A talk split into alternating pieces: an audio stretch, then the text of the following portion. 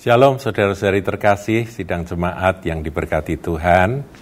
Saudaraku, kali ini kita akan melihat firman Tuhan yang tertulis di dalam Mazmur 11, ayatnya yang ketujuh.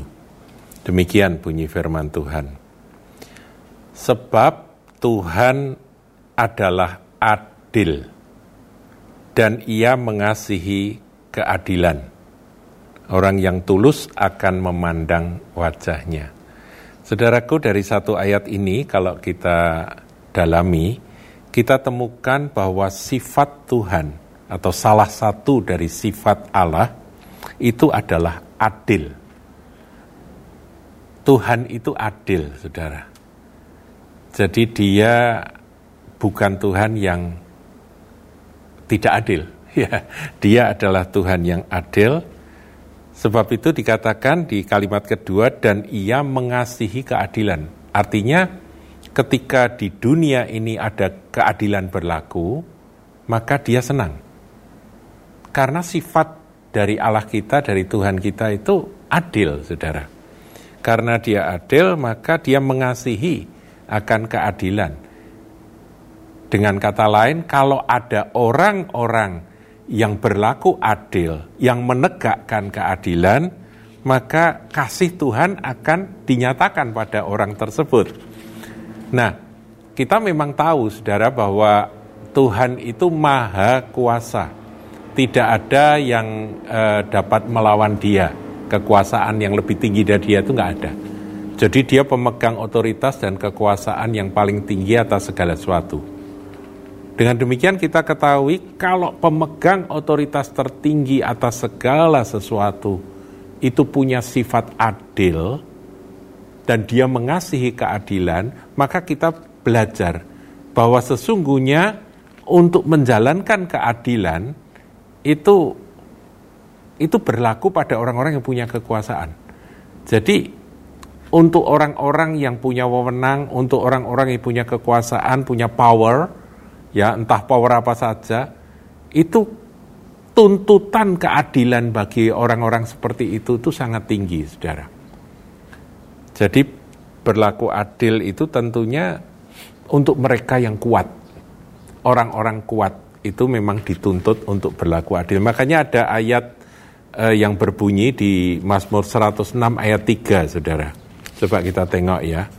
Mazmur 106 ayatnya yang ketiga bunyinya demikian. Berbahagialah orang-orang yang berpegang pada hukum, yang melakukan keadilan di segala waktu. Jadi ini pasti orang-orang yang punya kewenangan untuk menegakkan hukum dan dialah yang menjalankan keadilan.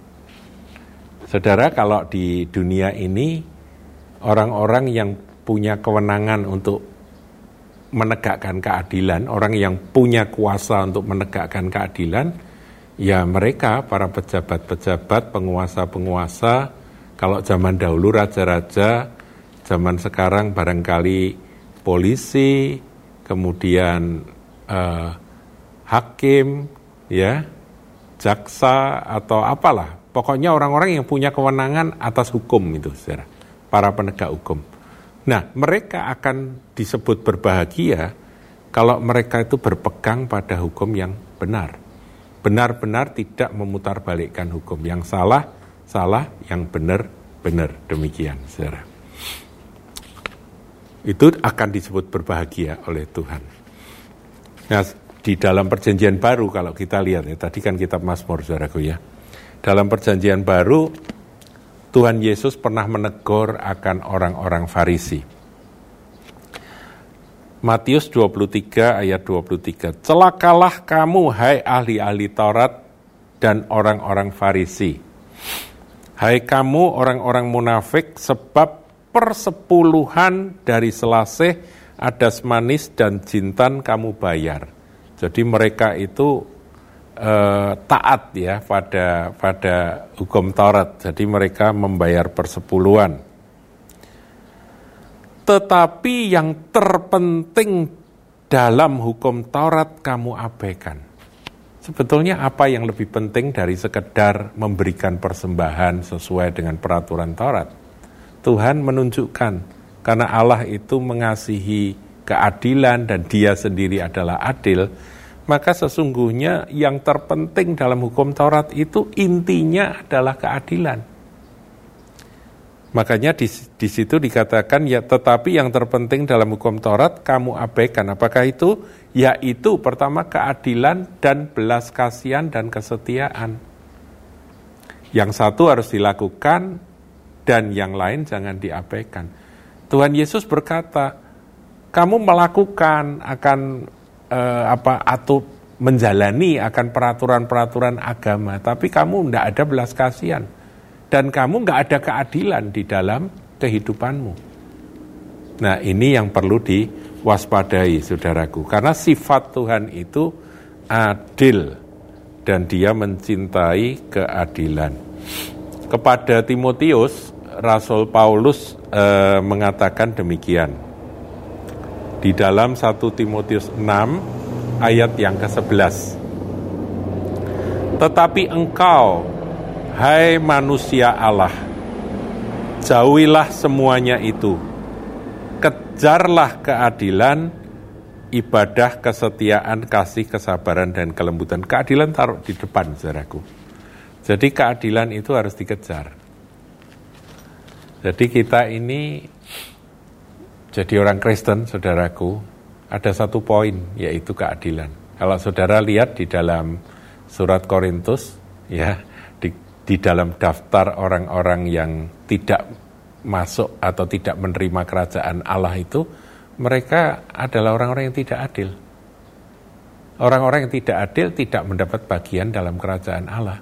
Jadi kita ini harus benar-benar hati-hati saudaraku di dalam menjalani hidup ini.